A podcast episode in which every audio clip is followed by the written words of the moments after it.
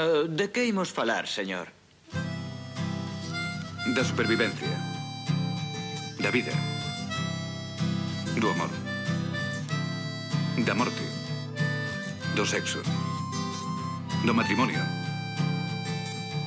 Da rebeldía.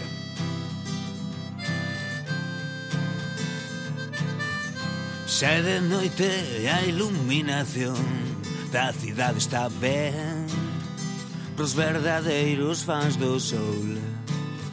Se fose listo sabería valorar que hai mellor lugar. Que as boleiras da área central Son consciente de que hai xente que non está moi ben. Estamos xuntos na fin do mundo máis unha vez. E pensa o intensa que podería ser a nosa festa baby, come on. Guetos, gélidos asumen a existencia como Celta en segunda división, segunda división.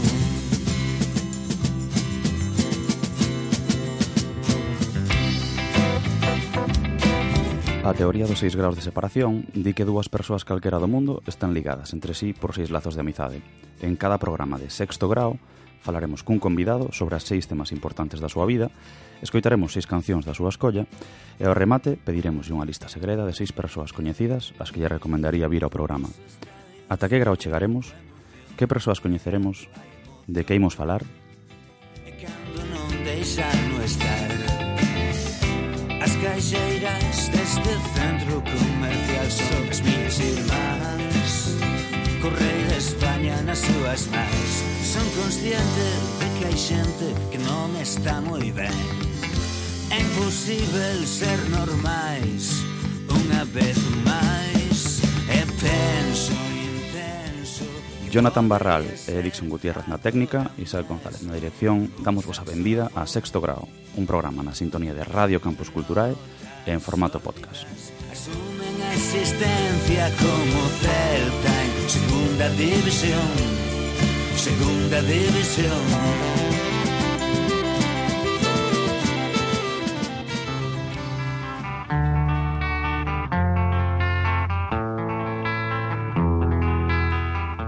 Hoxe sometes ao sexto grau Xosé Luis Barreiro Rivas, Nado en Forcarei no 49, en político, politólogo e escritor galego. Participou de xeito moi decisivo na construcción institucional da autonomía como vicepresidente da Xunta con Alianza Popular e logo con Coalición Galega que non chegaría a consolidarse como proxecto político, o que o levou a sair da política institucional.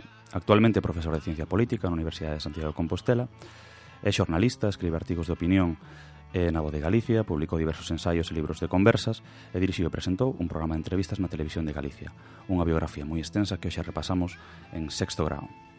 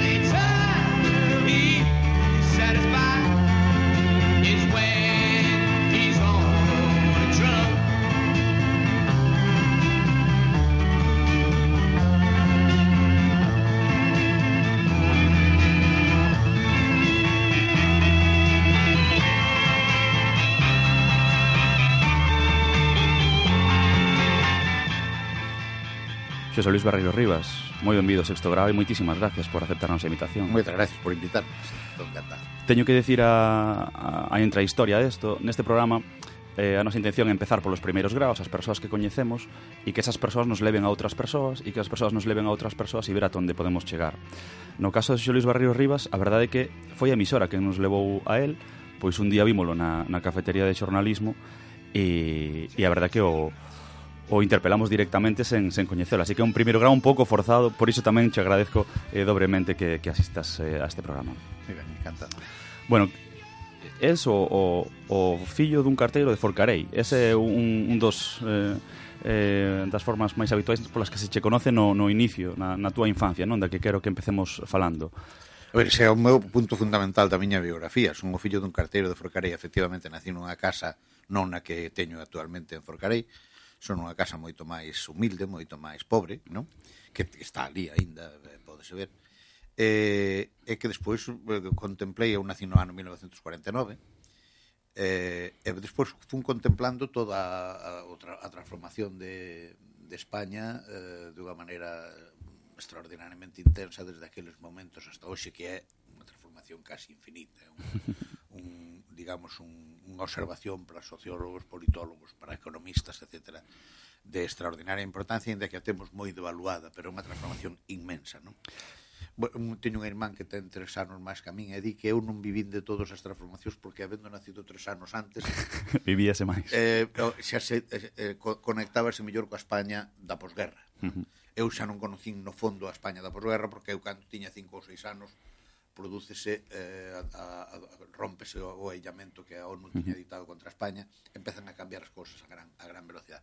Pero en todo caso é un, un punto de observación moi, moi bo. E entonces a partir de aí, con, con esa perspectiva que, que nos encanta tamén desde o programa ver desde o inicio hasta, hasta a actualidade, como é o proceso polo que chegas a non só ter unha visión de como cambian as cousas eh, en España, concretamente eh, en Galicia as cousas do político e, da, e do social, sino que intervés nelas. Como chegas con 30 e poucos anos a estar no meollo, no cerne do, do cambio político en Galicia? Bueno, a miña historia é a historia tamén de España nese sentido. Eh. Uh -huh. Eu non fui unha excepción nese... Bueno, unha excepción pola vistosidade do, do cambio, pero non polo feito de que cambiara moito. Uh -huh. É dicir, que hai moita xente que naceu en circunstancias tan humildes e, por decirlo de alguma maneira, tan desesperadas eh, no sentido de, da súa promoción social, etc. Como a miña, que despois acabou pois, sendo o señor que trasplanta os corazóns no chus, ou sendo o rector da universidade, ou sendo...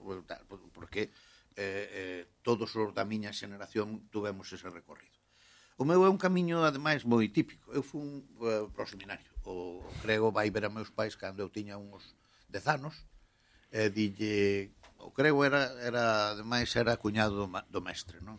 E eh, dille dille, estuve falando con, con Camilo, dillo, creo, a, o sea, estuve falando con mestre da escola, e chegamos á conclusión de que este rapaz non o debía de, de deixar aquí, non o debía de perder a tal, e, e se queredes mandámoslo ao seminario a estudiar, despois xa se verá.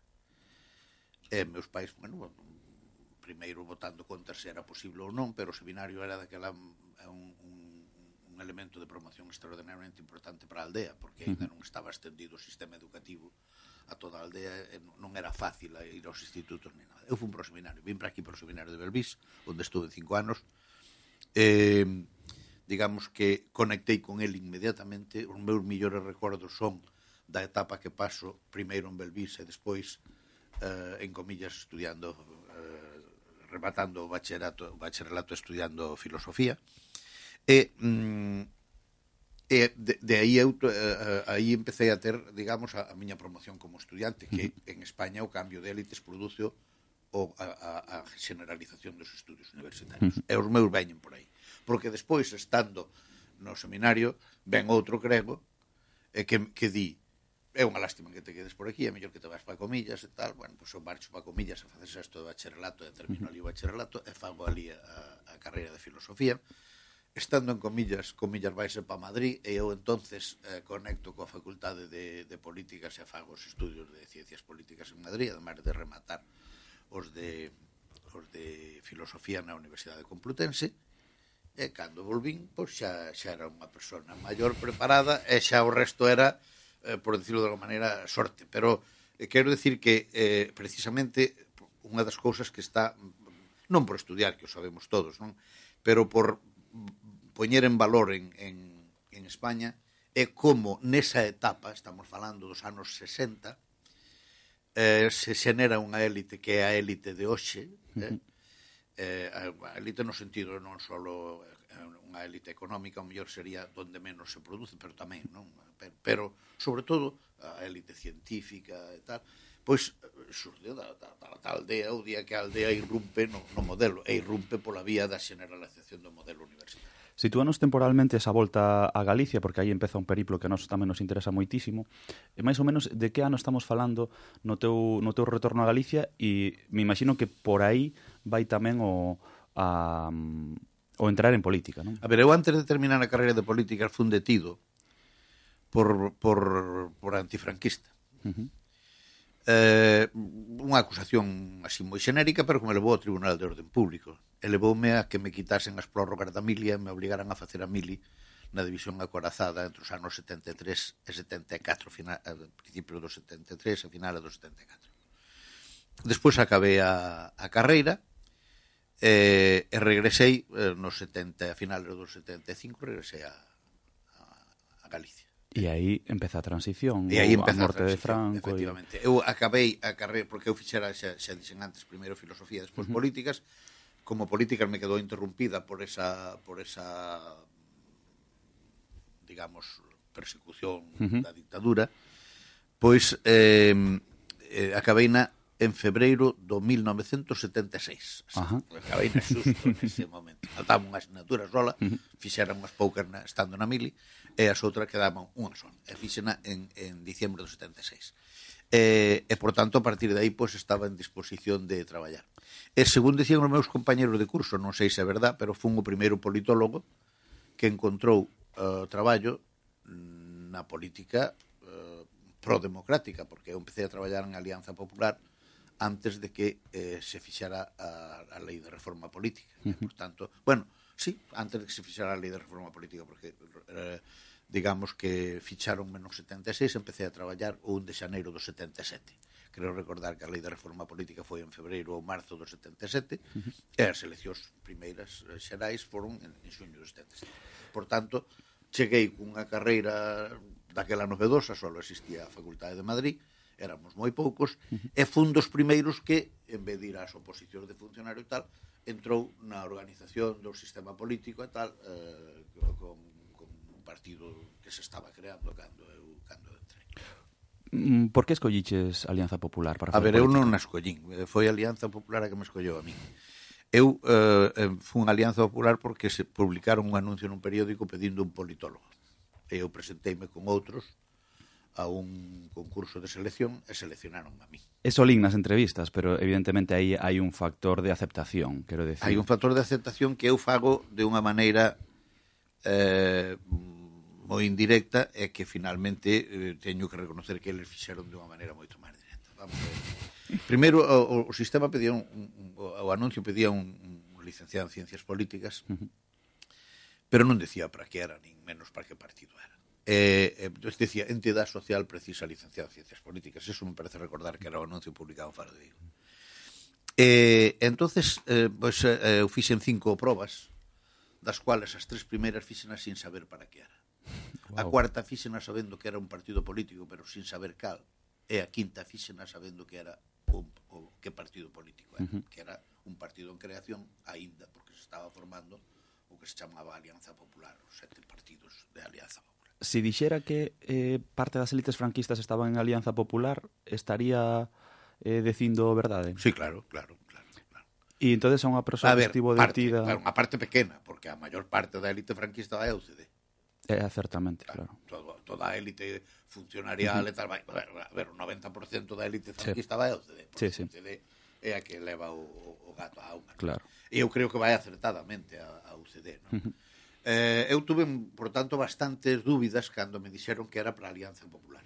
Ah, eso e foi cando eu conectei cos, cos meus compañeros, non sei o que faga, tal, e recordo sempre o que me dixo un compañero de curso de Madrid, que me dixo, eh, solo faltaría que a, o primeiro emprego que hai para un licenciado en ciencias políticas nunha democracia, para unha democracia eh, o, o, o rexeitemos. Uh -huh. E, por tanto, eh, toca che tal. Iso, ademais, eh, el xa era funcionario.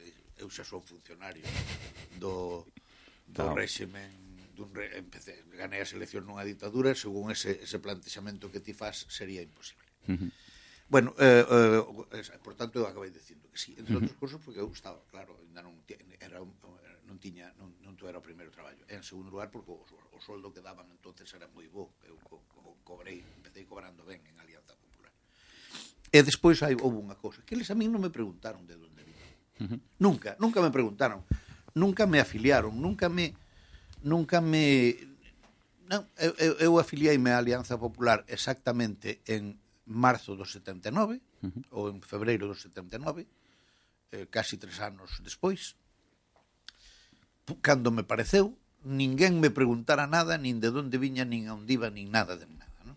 Uh -huh. eh, é certo que eh, eh, despois, cando eu empecé a, a, a cheirar a candidato, verdad? Cando xa no ano 80 se empezaba a, a empezaba a trascender, final do 80, empezaba a trascender a idea de que eu podía ser candidato eh, a, a, a unha alianza popular que iba a ser desconocida cando entrara, porque claro, eu viña, da? se empezou a especular moito con meus pasados izquierdistas e tal, todos viñan dados non dunha realidade moi clara, eu nunca fora nunca estuera próximo a Alianza Popular, é evidente, non? Pero tampouco nunca militaran partidos de izquierda, pero uh, eu tiña uh, a lenda estaba basada no feito da miña detención e, e, polo, e, eh, e condución ao Tribunal de Orden Público, eh, un carcelamento e a suspensión das, das prórrogas. E, tal. Mm. e por tanto, os pasaportes, eu quedara sin, sin...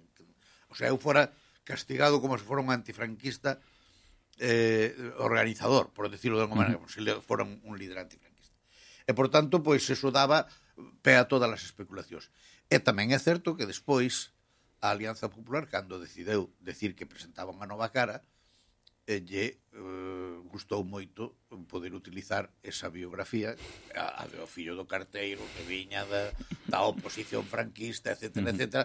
Eso sentoulle moi ben a Alianza Popular. Eu nunca abusei deso, uh -huh. pero eh, reconozo que o partido o partido si lleveu moi ben eh, mm, eh, na, no, nos comenzos das eleccións autonómicas, non? O sea que no ano 1980-81 eso foi unha unha cousa moi moi moi socorrida eh, cal, cal era o traballo do, do politólogo no inicio, eh? porque despois, claro, o politólogo convirtese en candidato, pero supoño que iría máis pola parte de estrategia política, non? Claro, o meu traballo ao final había que inventarlo, porque era o primeiro partido que, que, que, que formaba un gabinete técnico. E, por tanto, o primeiro que tuve que decir é que fai un gabinete técnico nun partido político.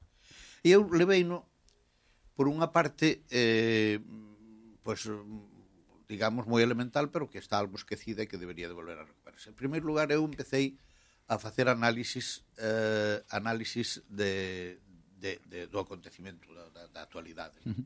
análisis politolóxicos de como se ir enlazando eh, distintos tipos de información eh, en, en grandes procesos e ir sacando de aí, por decirlo de alguma maneira, a, a, a línea por, pola que iba seguindo a transición. É uh -huh. unha línea tan interesante o análisis eh, de textos, o análisis de, de feitos e de discursos e de todo eso é unha liña tan interesante como a, como a, a, a demoscopia. Probablemente en algúns aspectos máis. Son complementarias, non se debe facer unha sin a outra, pero tampouco a demoscopia tal como a facemos hoxe, sin eses análisis profundos ben feitos por personas que teñen tempo e teñen recursos para facelos, era, era fundamental. Eu, de feito, cando recibín unha oferta para pasarme, unha oferta beneficiosísima, verdad? Para pasarme a, a Unión de Centro Democrático cando a Unión de Centro Democrático pensaba que iba a, a perpetuarse, a acabar con a Alianza Popular e a, a, a ganar as eleccións autonómicas, probablemente non as ganaron porque eu non me pasei, valga a falta de, valga a falta de humildad, eu fixen uh, as miñas reflexións e eu eh, uh, dixenlles que non. Uh -huh. E dixenlles que non uh, afirmando unha cousa que, que despois lle puxen un informe ao meu propio partido. Eh, este, Unión de Centro Democrático non resistirá a, a tensión da transición e, por tanto, derrumbarás. Eso ti tiñalo claro na altura? Absolutamente, absolutamente. E, por tanto, eh, uh, quedeime onde, onde, onde... no cesto. Que, en vez de quedarme, en vez de irme co armazás, quedeime no cesto. e, pois, o cesto, arma, piñeron armazás o cesto. No? A pesar de que tes dito en outras entrevistas como das, tu, dos teus grandes, das grandes figuras políticas que ti eh, sinalas non na historia recente de política española é Adolfo Suárez. Sin, sin ninguna duda. Eh, non hai, eu creo que non hai eh, nos, eh, nos século XX de long ningún, pero probablemente no século XIX tampouco. É un pouco máis dudoso porque os políticos do século XIX fixeron a política en circunstancias enormemente complexas mm. e variables. Non? Pero eh, non hai ningunha persona como ele. Metémolo no cesto das injusticias políticas logo. O seu, o seu final político? Non, non, non, no? tampouco a miña, meto, non. Eh, a política ten a, a política que hai ahora mesmo profesionalizada no sentido de vivir deso durante moito tempo da política mentre se exerce vívese dela. Pero non se debe vivir a vida na política, non? Eh, a política eh, se, se un actúa desgasta, sabémoslo todos, é, forma parte da cultura popular, non?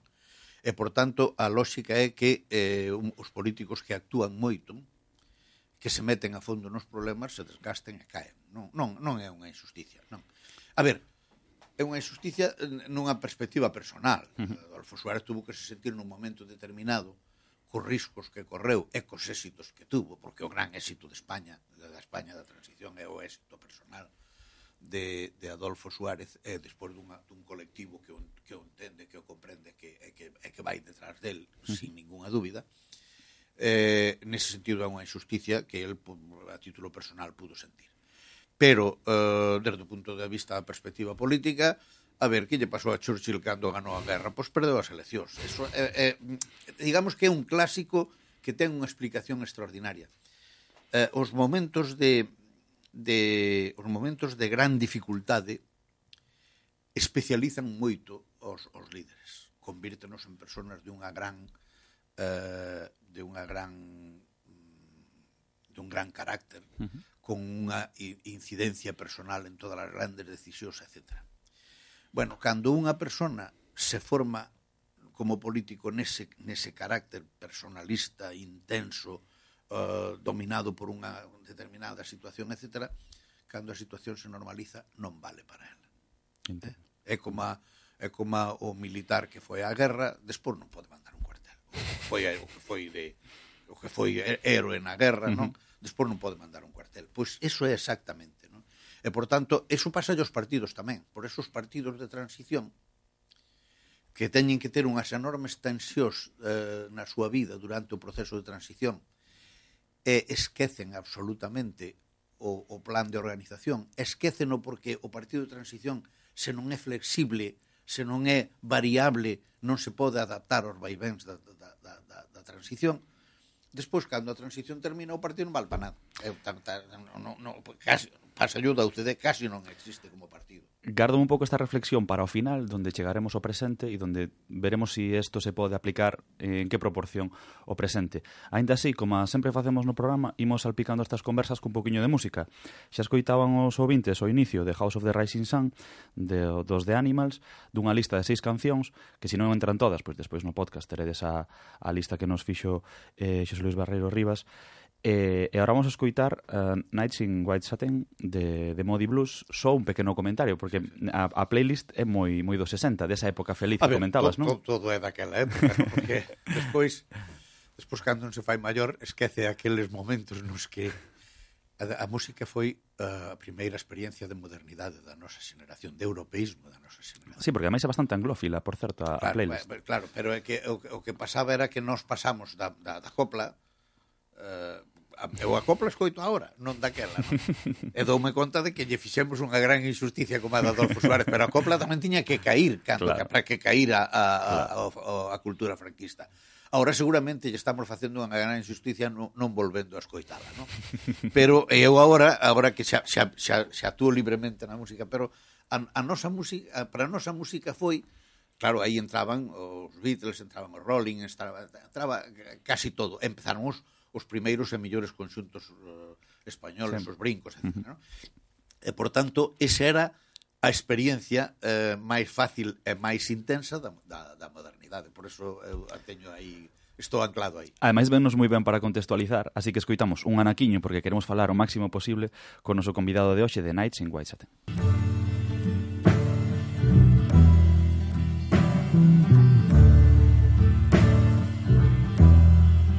Nights in white satin,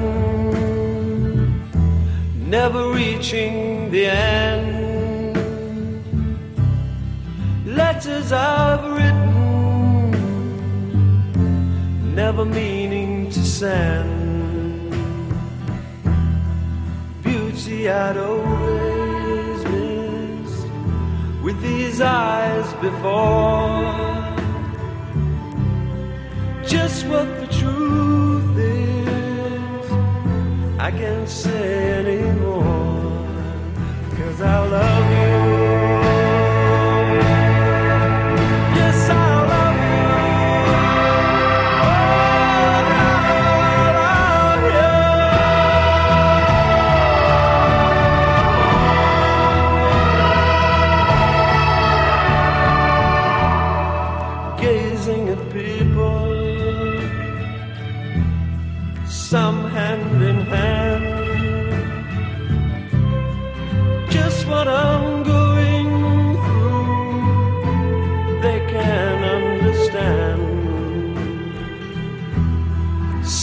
Try to tell me thoughts they cannot defend. Just what you want to be, you will be in the end. And I love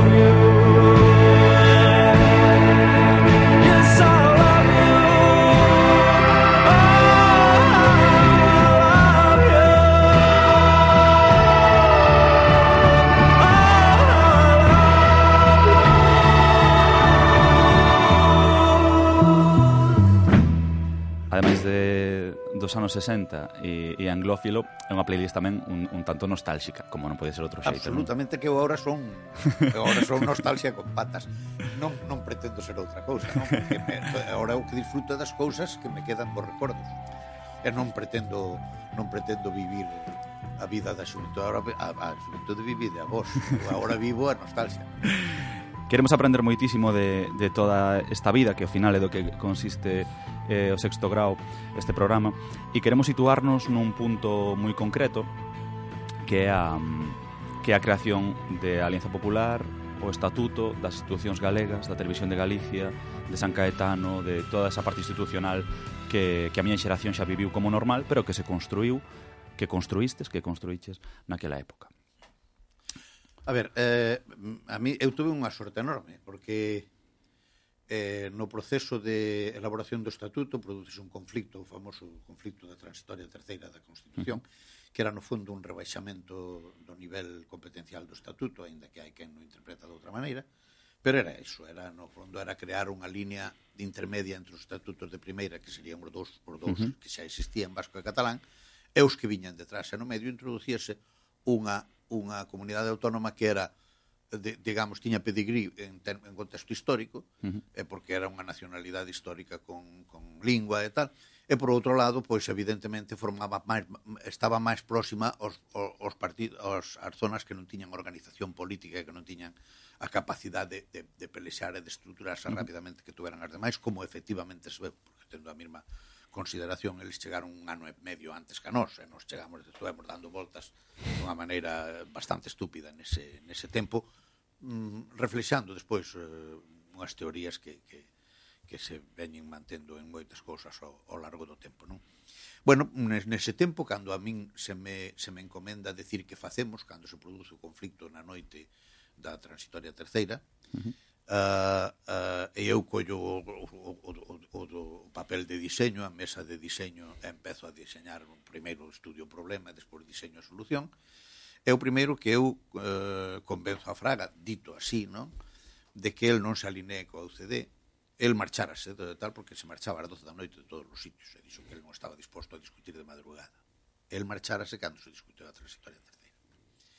Bueno, el, eu dixenlle que que, que eso lo íbamos a cambiar, verdad? Que se marchara porque non estaba de acordo coa transitoria terceira. E de unhas leccións de, de, de, de, de, de, de persona pro, pro, como se chama isto contestataria, non? Uh, ah, eh, eh, recordo que o, o, o primeiro día que veu despois disso fui buscar o aeropuerto eu solo no meu coche para poderlle explicar exactamente cales eran as preguntas que lle iban facer e como as tiña que responder, fixo maravillosamente nunha roda de prensa en Ourense, e eh, xen, quedámonos non na izquierda, pero tampouco con o CD. E desde aí fixemos un plantexamento un pouco posterior que foi a idea de que non se podía eh, reiniciar o tema do estatuto, as circunstancias cambiaran moito, era imposible reiniciar o, o problema do estatuto, eh, porque xa entrara, entre outras cousas, a lei de referéndum. E a lei de referéndum impedía eh, eh, impediría no suposto de un fracaso da, do, do, para, para iniciar o proceso había que tumbar o estatuto eh, aprobado xa na Comisión Constitucional. E se se tumbaba non se podía facer un referéndum hasta cinco anos despois. E, por tanto, non era posible ese, ese plantexamento. Entón, nós propuxemos no que se chamou a Declaración de Cambados unha eh, reunión de todos os partidos para facer un pacto non que se resolveran as cousas provisionales que había que resolver antes de ir a unha reforma mm, posterior do estatuto que, por certo, finalmente non se fixo que somos casi os únicos que non temos o estatuto reformado cos vascos, creo que somos casi os únicos ou os únicos. E, por tanto, desde esa, desde esa perspectiva, eh, as, as, as conversas do hostal que foron un dese plasmou este acordo, convocadas por Adolfo Suárez aínda, pois tuveron unha... No, os estatutos 16 foron moito antes, eh, ten unha importancia moito menor no, no, no plan, porque o estatuto 16 non se parece nada, non, non é pouco, non se parece nada ao estatuto actual. O estatuto actual nace do estatuto catalán, eh? nace do estatuto de Sau. Uh, eh, e é prácticamente o estatuto catalán con, vale, con, vale, con distintas eh, pequenas eh, modificacións para adaptarlo ao lugar. E con esa eiva que lle meteran eh, justamente para, para rebaixarlo de nivel. O estatuto de ahora, o parecido que ten co, co estatuto catalán é o mesmo que ten España con Turquía na comparación que acaba de facer que acaba de facer Puigdemont, Puigdemont non? E, por tanto, por, desde esa perspectiva, eh, a mí non me importa que este supervalorado o Estatuto dos 16, pero ese, non, mm-hmm. o, o Estatuto que sale da, da Comisión de Parlamentarios que é o que se retrasa. Porque a Comisión de Parlamentarios estaba dominada absolutamente por UCD, non, non é dilixente neste asunto, a UCD estaba en caída libre, bueno, entonces o que eh, acaba, se acaba eh, ante unha imposibilidade de salidas ordinarias, acabase facendo unha cousa que no fondo era ilegal, que era re reformar un acordo da Comisión Constitucional. Uh -huh. Xa un acordo firme, porque xa estaba votado. Bueno, nós poñémonos de acordo en que cousas acepta, que, en, en, con, con que cambios aceptaríamos o estatuto, e despois vaiselle preguntar a Landelino Lavilla, que era o presidente do Congreso, mm, en que como se pode transformar, eh, tramitar aquilo. E Landelino Lavilla di unha cousa moi elemental fora de todos os contos que hai sobre este asunto donde cada un parece poñer unha cuestión futana. Nós tuvemos unha parte magnífica o poñernos de acordo, decir, si isto se introduce no Estatuto de Autonomía decimos que si todos, e, e tiramos para diante, e como se fixo é idea de Landelino Lavilla, verdad?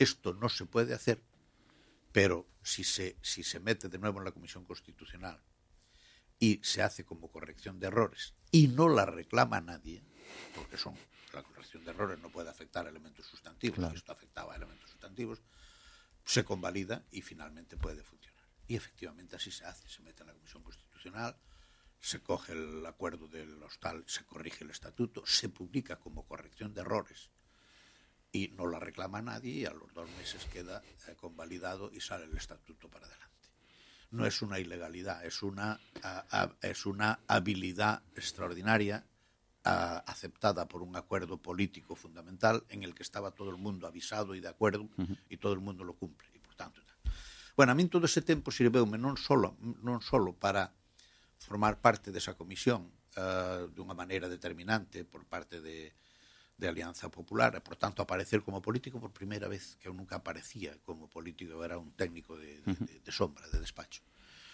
E, e valeume para iso. E aí foi cando se empezou, o que che contaba antes, toda esa idea de de onde ven este, quen é, con, en que se parece aos de Alianza Popular, que hace un, un chico como tú en un sitio como este? A pregunta que máis veces eu respondí na, na, miña, na miña vida.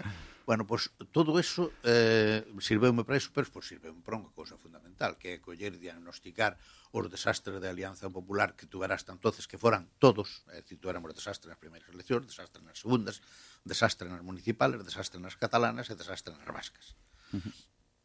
E eu digo, el desastre viene de aquí. E de onde viña? Por viña de actuar contra, contra, contra o modelo de España xenerado na Constitución. Era, era para darlle patadas ao muro. De estar un pouco á dereita de era estar, UCD... Era estar non na nostalgia da música anglosaxona, senón na nostalgia sí. de unha estrutura política que non volvería. Que, que non podía non podía funcionar daquel. Uh -huh. Ahora probablemente habría que estudiar algunhas cousas daquel momento, pero en todo caso aquilo era imposible. Eu, por tanto, digo, se nós seguimos discutindo se este é o modelo de España ou non é o modelo de España, non tendremos salida. Nosotros tenemos que dar por zanjado esa discusión e montarnos en el modelo. Estamos falando de Madrid, además, de AP. No, estamos, estamos hablando nivel... de todo, de todo tal. E entonces Fraga, dime a mí, ese intento me parece ya lo único que vale cando eu lo explico, uh -huh. e di, pero yo no, no estoy en condiciones de, de hacerlo, porque en mí no sería creíble. Pero le doy a usted plena autoridad para que lo ensaye en Galicia. E dime unha cuestión. Si gana, ganamos los dos. E se pierde, pierde usted solo. E Dixen yo, aceptad. E, eh, efectivamente, facemos unha, unha campaña en Galicia que revoluciona non solamente a forma de facer campañas, a campaña do Gal Galego, Galego como a ti, senón que revoluciona a imaxen de Alianza Popular, entre outras cousas porque aparecen os fichados do franquismo, novos nas listas, aparece Adolfo Abel Vilela en Lugo, aparece eu, aparece Gerardo Fernández de Albor, que era doutras, doutras xeneracións eh, Gerardo eu tiña daquela 30, 32 anos, e Gerardo tiña 64 pero eh, pero Gerardo mm, non, non tiña o perfil de, de, de AP, aparece, aparece uh -huh. unha AP completamente nova e damos un, un, un susto general a toda, a toda España, pero sobre todo a UCD, que empeza a fundirse. Fundese por outras cousas tamén, pero un elemento fundamental é ese que que llegaron as eleccións de 1981 podería, poderíamos resumir este apartado e pode, podes introducir os matices que, que queiras en que eh, Xosé Luis Barreiro Rivas desfranquizou Alianza Popular e galeguizou Alianza Popular en Galicia?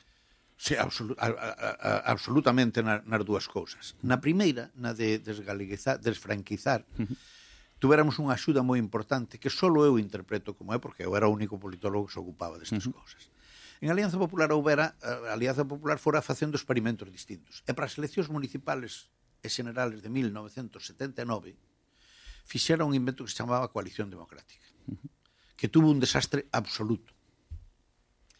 Ese desastre absoluto eh, que estuvo a punto de, de facer fracasar o partido definitivamente, de feito Fraga ordenou retirar as candidaturas das municipales, dimiteu a primeira vez que das, das moitas que dimiteu, etc. Todo aquilo daba sensación de catástrofe general. Para evitar esa catástrofe, cando eu me afilio a Alianza Popular para ir a unha, a un, a unha asamblea de Vigo para manter a candidatura municipal uh -huh. de Vigo, eu iba, iba a explicar que había que mantela, pero dixen de repente, eu por primeira vez estou entrando nun feito político, estou entrando nun feito político nunha posición prevalente nun partido ao que non estou afiliado. E, por tanto, antes de ir a, a, a reunión afiliéime para poder falar como afiliado, como, como, como afiliado do partido. eh, entonces, pois, eh, aquel, aquel desastre foi a limpieza general do franquismo. É decir, todos os vellos creyeron que el futuro no estaba allí e se fueron, y los, los jóvenes que estábamos preparados para, para tomar el relevo estábamos detrás y nos pusimos al frente del chollo. Ahí estaban personas que ahora tuvieron, eh, tuvemos evolucións moi distintas, ¿no? Uh -huh. pero aí estaban eh, Álvarez Cascos, eh, José María Aznar, Jorge Bestringe, eh, este, eu, claro, eh, eh xa estaba Mariano Rajoy, aínda que Mariano Rajoy eh, tiña menos, menos eh, importancia eh, en aquel momento porque era, era un rapaz, como que di, porque indo a casi era eu, eu levo cinco anos a Mariano Rajoy. Conta Estrinjo unha anécdota, un pouco na liña tamén de desfranquizar o, a pena aquela, que, que se iba ás fichas de afiliación e que imaban as cantas fichas de afiliación de persoas, digamos, moi ligadas ao réximen de cara a limpiar un pouquiño as, as listas de afiliación. Sí. Eso... Non sei se iso é verdad, entre outras cosas, porque sí, o modelo de afiliación era caótico e non sabíamos quen eran os afiliados. O que sabíamos era que os que andaban por ali alrededor de Fraga, Manolo, ya sabes, os Manolo, ya sabes, se fueron. Vieron que aquello no daba máis de sí e se fueron. E o quedarnos co chollo, cambiamos a tienda e a tienda empezou.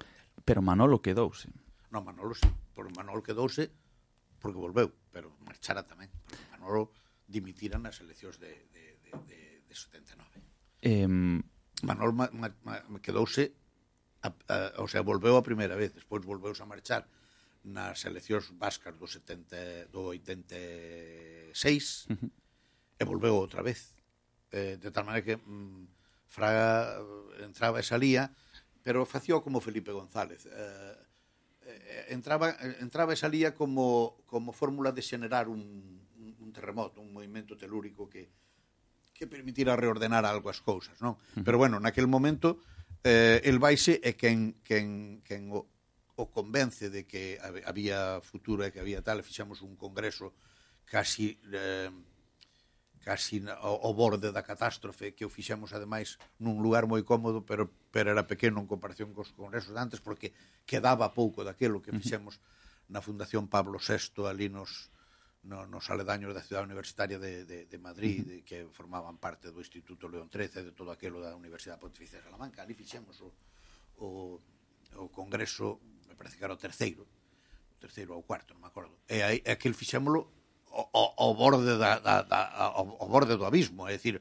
ou salíamos con acordos eh, plenos e con, con... E aí foi onde eh, Jorge Bestringue se, Jorge Bestringue se fai coa Secretaría Xeral e con, con todo eso. De tal maneira que Eh, a, a parte da desfranquización veu moi favorecida polo, o, polo desastre do, do ano 79. Hmm. En cambio, a de galicización, a de modernización, eu diría de outra maneira, a do entusiasmo constitucional vendada polas eleccións do 81 aquí, que despois se traslada a través das eleccións autonómicas a todo o resto de España. Allí ganaron e por que ganaron, verdad? Pero os primeiros discursos que se fan sobre unha asunción absoluta das, dos, das linguaxes, do, ou sea, da nacionalidade histórica de tal, do uso do, da, das linguas eh, tal, do, da utilización das enseñas e das bandeiras e todo iso que non estaban eh, formalizadas, pero que naturalmente eran de uso corriente común en o galego, a bandeira galega, etc. Pois todo eso faise nas eleccións do ano 1981. Eh, e aí é onde a Alianza Popular, o ganar, aquelo dalle resultado, dalle a volta ao Amazonas, que en vez de eh, baixar de Perú cara cara ao Atlántico, empeza a subir do Atlántico cara a Perú, e esa, esa, esa dirección cara ao Perú é a que se xenera aquí. É. A ver, eu non teño ningún empacho en decir que que eu non fun o único que estaba ali, pero fun o principal. e ademais agradecemos esa honestidade, non? A hora de falar e non andar con falsas modestias. Na segunda parte, nesa galeguización de AP, Eh, hasta que punto influíron as ideas de Ramón Piñeiro e o piñeirismo en xeral? Eso estaba encima da mesa? É algo que se considerou? Ten algo que ver con esa viraxe? Ou é totalmente independente? E... Ah, vamos a ver.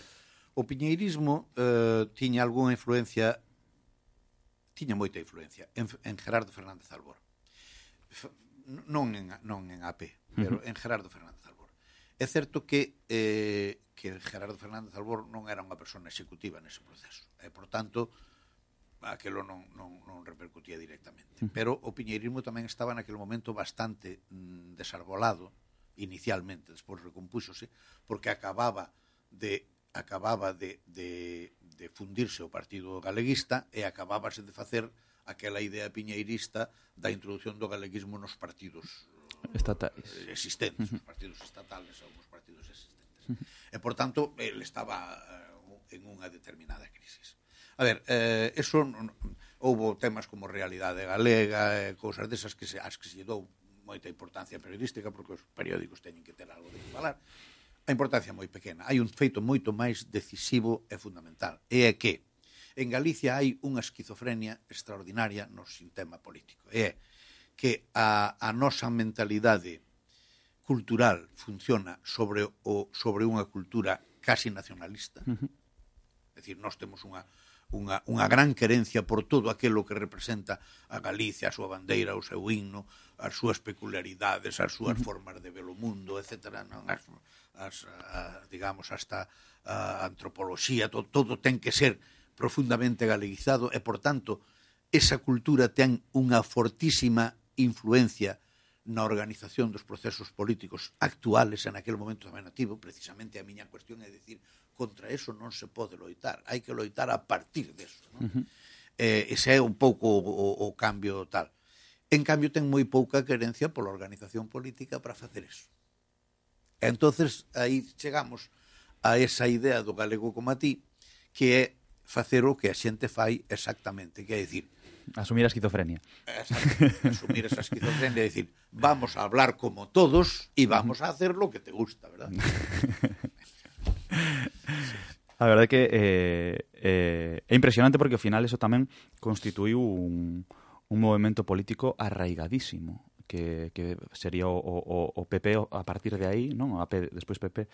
Eh, o feito de que siga e de que non tuvera interrupcións é. demostra o acertado que estaba o diagnóstico. Eh, quero meterme tamén na parte de, de como se crearon as, as institucións e, e chegar tamén ao punto álxido de, do episodio de coalición de coalición galega, non?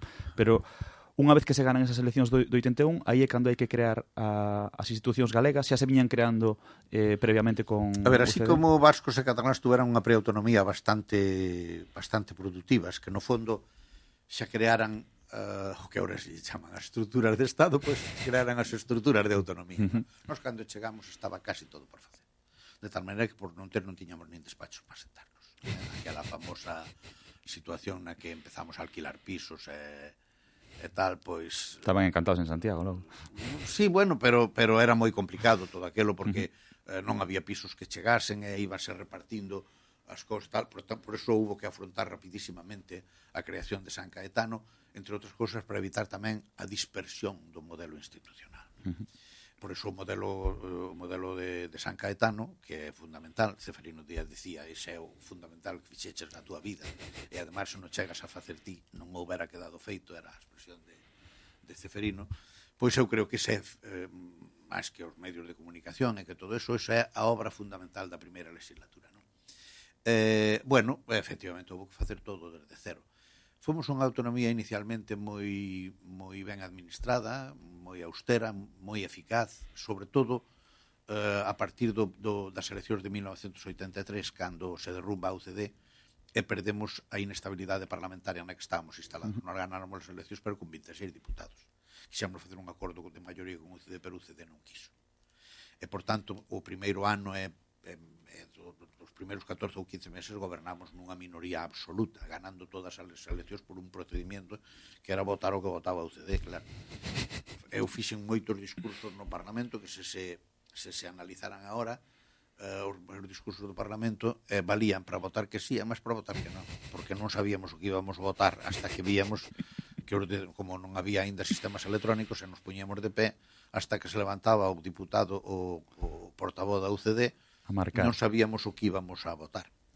Solo unha ou dúas veces fomos a, elección, a, a votacións perdidas por, por carácter estritamente necesario, pero a maior parte das veces ganamos esas eleccións, esas votacións, porque eh, as ganábamos conducidos por outra vía na, na hipótesis miña de que a UCD non resistiría esa tensión.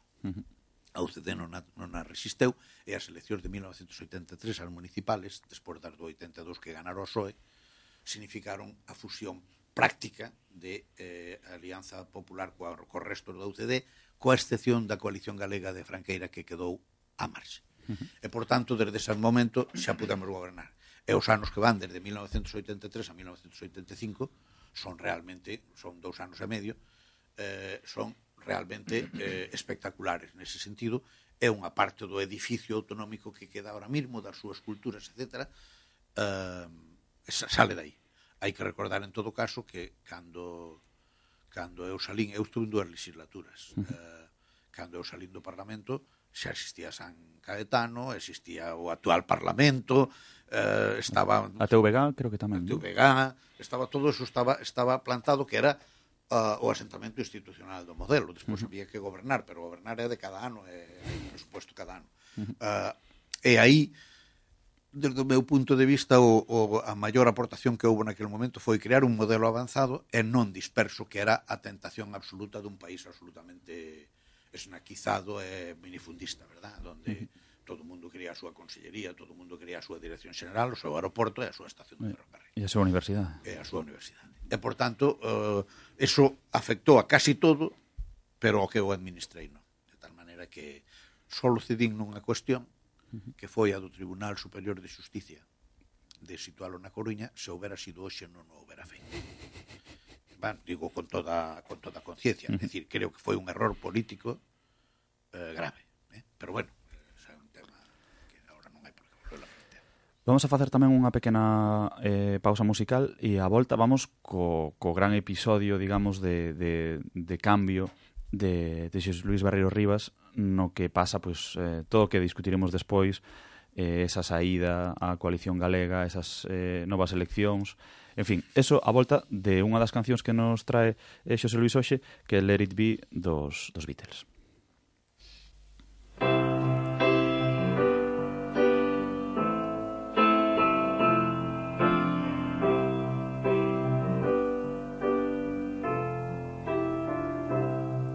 When I find myself in times of trouble, Mother Mary comes to me, speaking words of wisdom, let it be.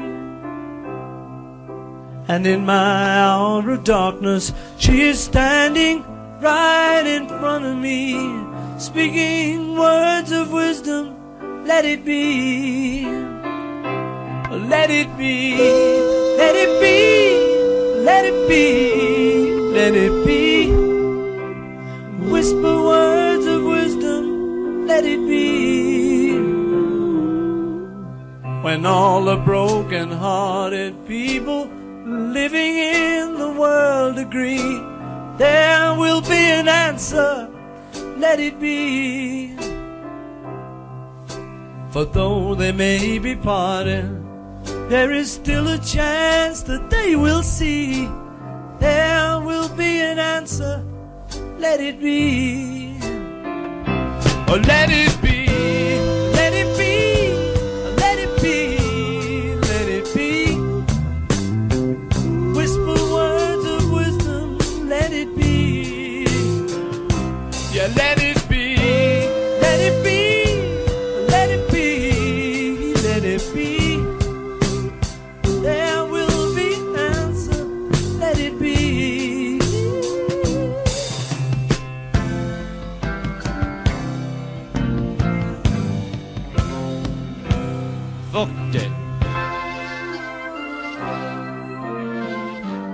nos anos que sei eu 67 ou 68 que debe ser cando estaba esta canción non sei puxeron na cafetería Vitoria de Forcaré unha máquina de música unha máquina de discos uh -huh. uh, eh, o B6 era eh, Let It Be no? e cando, cando eu viña quedaba cos compañeiros e, e, e, e viña a tomar o café eles antes de que eu chegara xa metían as cinco pesetas que costaba o peso non que costaba e poñían uh, o, eu creo que era o P6 ou P6 ou B12, non me acordo moi ben e, e entonces pois pues, oíamolo eu creo que todos os días De, deixalo ser, let it be, no? que eu creo que o mellor tamén te pode definir en, en moitos momentos un dos máis interesantes e un dos importantes na túa biografía é un pouco eh, esa revolta como vicepresidente de, de Fernández Albor no que no que fas unha maniobra que eu prefiro que a contestí, porque teño moito medo a cando a conte eu decir algo impreciso. Entón, no, tendote aquí é moi fácil a ver, ese resolver isto. O, o momento máis complexo é que necesitaría moito tempo a contalo e para explicalo. explicarlo. Uh -huh non temos ese tempo, eu non teño ganas de explicarlo, por decirlo. Porque eh, a xente sempre me non, que tens que explicar iso? Non, porque explica, explicar xona xustificarse. E eu non me xustifico, non? Dicir, cada un que teña a súa opinión de sobre ese punto, e eu eh, non teño a miña sin ninguna alteración. A ver, o problema non ven dado, ven dado por dúas cousas, hai que dicilas con toda sinceridade. Eh, ven dada primeiro polo lío en que entra a Alianza Popular no seu proceso de coalicións eh, co que se chamou a coalición popular eh? que eh, vai facendo coalicións populares que logo rompe e por tanto a nós nos impide xenerar aquí unha maioría parlamentaria estable nos eh, ganamos as eleccións do 81 solos pero as do 85 xa non as ganamos solos ganámolas con outros partidos que nos manteñen exactamente nos mesmos diputados que tiñamos e que lle deron oito a outros partidos. E, e despois, Eh, eses partidos non mostraron unha lealtade absoluta no proceso de estruturación da, da, da comunidade autónoma. Pero, sobre todo, nas eleccións xerais de 1986, cando se crea a gran coalición na que Fraga pensaba ganar as eleccións xerais, e queda como nas primeiras, é dicir, con 106 ou 107 diputados, eh, aos dous meses esa coalición rompese. Entón, eu plantexo a Fraga un problema moi elemental eu construyo a coalición popular, a primeira coalición popular firmeina eu aquí para as eleccións do 85. Faltaba moito aínda para facer as do 86 alá.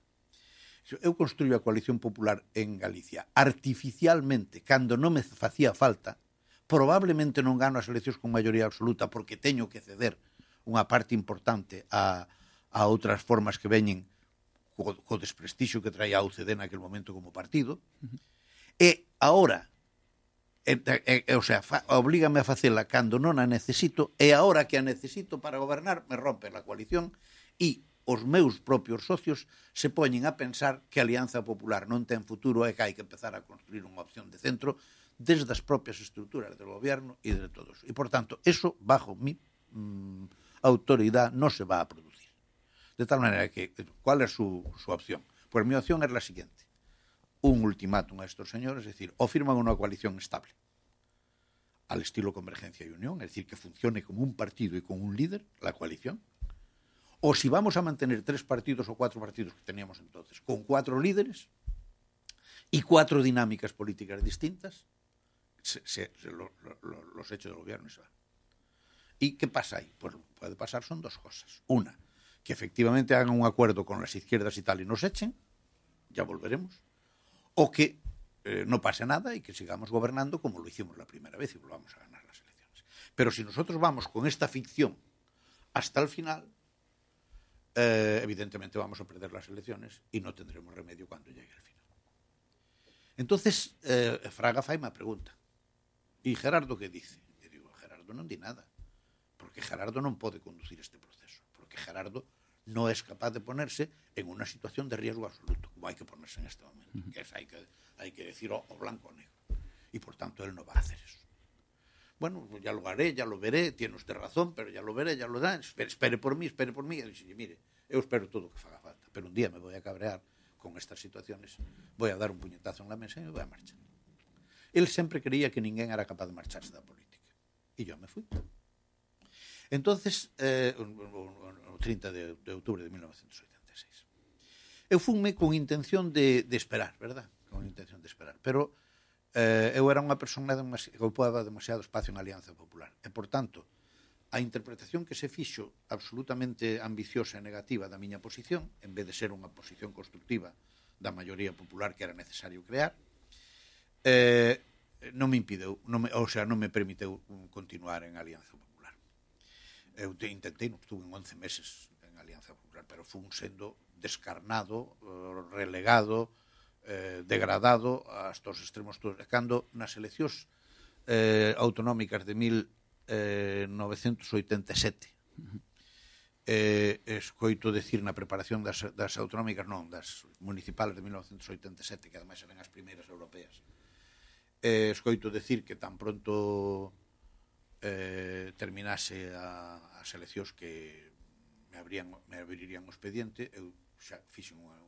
un comunicado que decía eu nunca necesito que se me faga expediente para marchar de ningún sitio. Si, no, si, si, si se cree que yo ya non pinto nada aí, non sirvo para nada, me voy. E efectivamente marchei. Hai que reconocer que Fraga intentou volver, que eu volvera nese momento, inmediatamente pero poñía unha condición que eu non estuve disposto a aceptar, e a condición era deixarlle, deixarlle a él explicar e gobernar a miña reentrada. Non, non, non, de ninguna maneira. O digo yo que é lo que pasa o, o, o non hai tal. Es que se usted non me dá esta oportunidade, me pondré enfrente de ustedes. Pois pues xa estamos, enfrente un do outro e yo me vou. E, e, e ese é o, o, o, o episodio inicial, o episodio uh -huh. de 1986. Uh -huh eh, a 1986 87. Eu a partir do 87 cando me marchei eh, empezo a, a pensar si me quedo o me voy. Y entonces yo llego a la conclusión de que la construcción de una eh, mayoría mm, de centro o de centro derecha en Galicia no, no se puede hacer desde aquella alianza popular. Y entonces empezó a, a, a intentar crear un partido que acumulase distintas fórmulas. Y pensamos en, en coalición, coalición galega. coalición galega y tal. Pero o, o día que me vou a coalición galega facemos a moción de censura uh -huh.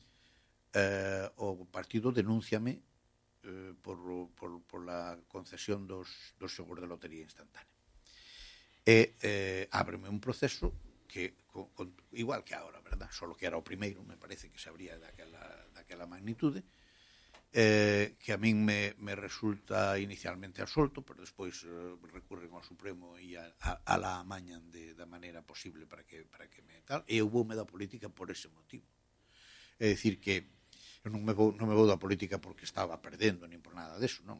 Para mim eso vai no, no oficio, non? Non, eu vou me da política porque decido que non vou a luchar eh, con, con, contra armas de destrucción masiva y como aquello ya se veía venir, en la posición donde estamos ahora se inauguró en aquel momento, el Partido Popular está cumplindo o, o dito evangélico de que o, o que a ferro fire a ferro morre, verdad? Pois eh, eh, eu chega un momento en que digo mm, si, si voy a tener que gastar máis recursos para estar en política que para hacer cosas en política no es ese mi camino. Y me voy. Eh, eh, É certo que perdo as eleccións de 1989, uh -huh. perdo as eleccións. Pero eu non, por, por haber perdido as eleccións non me houbera marchado. Eh? Eu marcho porque que chego á conclusión de que o modelo de coalición galega non vai a funcionar e de que eh, eu teria que estar o máis que podía aspirar era a ser un revoltoso no, no terreo da política. Eu para iso non sirvo e por tanto un revoltoso sin, sin destino non? Uh -huh. eu só podo ser revoltoso con, con destino hipotético pero sin destino hipotético Eh, e, está... e por tanto, así me vou. E voume dunha maneira tan radical que non volvín a probar. A política eh, contra contra a opinión general, non? Todo o mundo pensou botou 20 anos con, en, en, pensando que eu estaba pensando en algunha operación. Non, non, a miña operación foi el día que fui sacudir el polvo de las sandalias e non volver a mirar para atrás nunca máis. Eh, é curioso porque eu tiña unha pregunta que era os seus problemas coa justicia poden ter relación con saírse de, do Partido Popular? É gracioso que non tuven que facela porque eso como que flota no ambiente pero pero vostede xa o dixo inmediatamente. Non, non, claro, é que vamos a ver, é que eu teño eu teño da idea de que aquel momento foi unha instrumentación tan clara e tan televisada porque foi televisada, verdad? É dicir que está, eh, a, a min denunciame o meu partido, colaborador de calquera decisión que eu tomara, un ano despois, o día que eu vou defender a moción de censura. O día que eu vou intervir no Parlamento para a moción de censura. Si non... Eu entérome deso, entérome deso, porque no momento en que estou subindo á tribuna, e eu son o primeiro que di na tribuna, acabome de enterar de que se maniobrou para este asunto. A ver, anduveran comprando comprando voluntades, eh, testigos, eh, anduveran, o sea, unha marrullería absoluta que o tribunal, entonces o a audiencia a audiencia mm, territorial conocía exactamente. Fanme un proceso absolutamente atrabiliario, a pesar do cual me, me, me absolve. E despois faise un recurso desde o, o fiscal, me parece que foi o primeiro recurso que se fai contra, un, contra unha sentencia de un político absolto, uh -huh. eh? é o Tribunal de Arriba nunha sentencia que inda hoxe se pode ler que é unha catástrofe de sentencia eh, eh, eh, condéname. E digo, no, hombre, no, eu contra, no, yo non he venido aquí, verdad, isto non inventei eu, pero o vero inventado aquel día. Eu non vim aquí para loitar contra os temporales, nin contra a marrullería institucionalmente apoiada, non? E, por tanto, en aquel momento, ahora ainda hai algúns que me din, usted ten unha certa manía contra a justicia, verdad? De que será? E digo eu, como unha certa manía contra a justicia? Permítame... Eu eh, teño a sensación de que é o problema fundamental da política española. E teño a sensación de que lles gusta tanto meterse en política e que entran como elefante en cacharrería por todos os lados que é unha desgracia absoluta para a marcha do país. E que, por tanto, desde o meu punto de vista, que me lo sé, non lle tuven que preguntar a ninguén como actúan, nin as posibilidades de éxito que teñen, que son casi nulas, eh? pois eh, porque, porque todo é unha atrapallada en términos generales, e por tanto vai por sorteo, al que cogen lo trituran por unha botella de vino e al que no cogen no lo cogen, Bueno, pois todo isto eh, funciona de, de tal maneira que eu eh, non vou, non vou esquecer ese, ese momento pero en todo caso, que non teño erros que morros personales, porque eu a mí foi moito mellor, a mí foi moi ben na política, pero foi moito mellor despois da política, por tanto, pois non teño nese sentido máis que agradecimento para, de feito, dediquei un libro, o primeiro libro que escribín despois da Chema, dediquei ao, ao que fora presidente do, do, do Tribunal do, do Supremo, non, non, non presidente do Supremo, senón presidente do, do, do Tribunal do Supremo. Eh, e, e puxenlo así, eh, a fulano e tal, sin cuya eh, sin cuya colaboración non hubiese sido posible escribir este libro. Non? Contestoume, por certo, unha carta moi amable. Seguro. Dicindo que, que o libro lle gustara moito. Sobre todo a dedicatoria. Sí, sí. Eh, te, temos que ir rematando. Eh, eh, emprazote a, a continuar, porque, bueno, quedan moitas cousas das que falar, sobre todo da actualidade, eh, e da teoría política. Eu creo que tamén vale uh -huh. a pena eh, en, en outro programa porque porque o tempo se nos, se nos foi moi rápido, Xosé Luis Barreiro Rivas, quedámonos con moitísimas ganas de continuar a, a conversa, esperamos poder facelo noutra ocasión, pero en calquera caso agradecemos moitísimo que pasaras por Radio Campus Cultura e polo sexto grau para dar unha visión eh, de primeira man do que foi do que foi unha, unha época política na que na que fuches eh, protagonista. E, insisto, moitísimas gracias por estar ah, no sexto grau. Gracias a vos por este tempo. Marchamos con Nino Bravo e con Libre. Foi eh, eh, casualidade, desde logo. Sí, é a, é a única española que entraba na Efectivamente. Sí. Moitísimas gracias e ata o próximo sexto grau en Radio Campus Cultural. Gracias.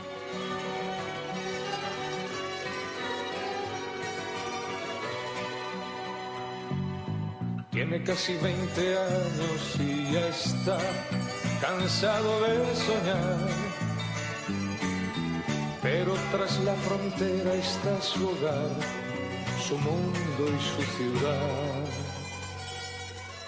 Piensa que la Alhambra...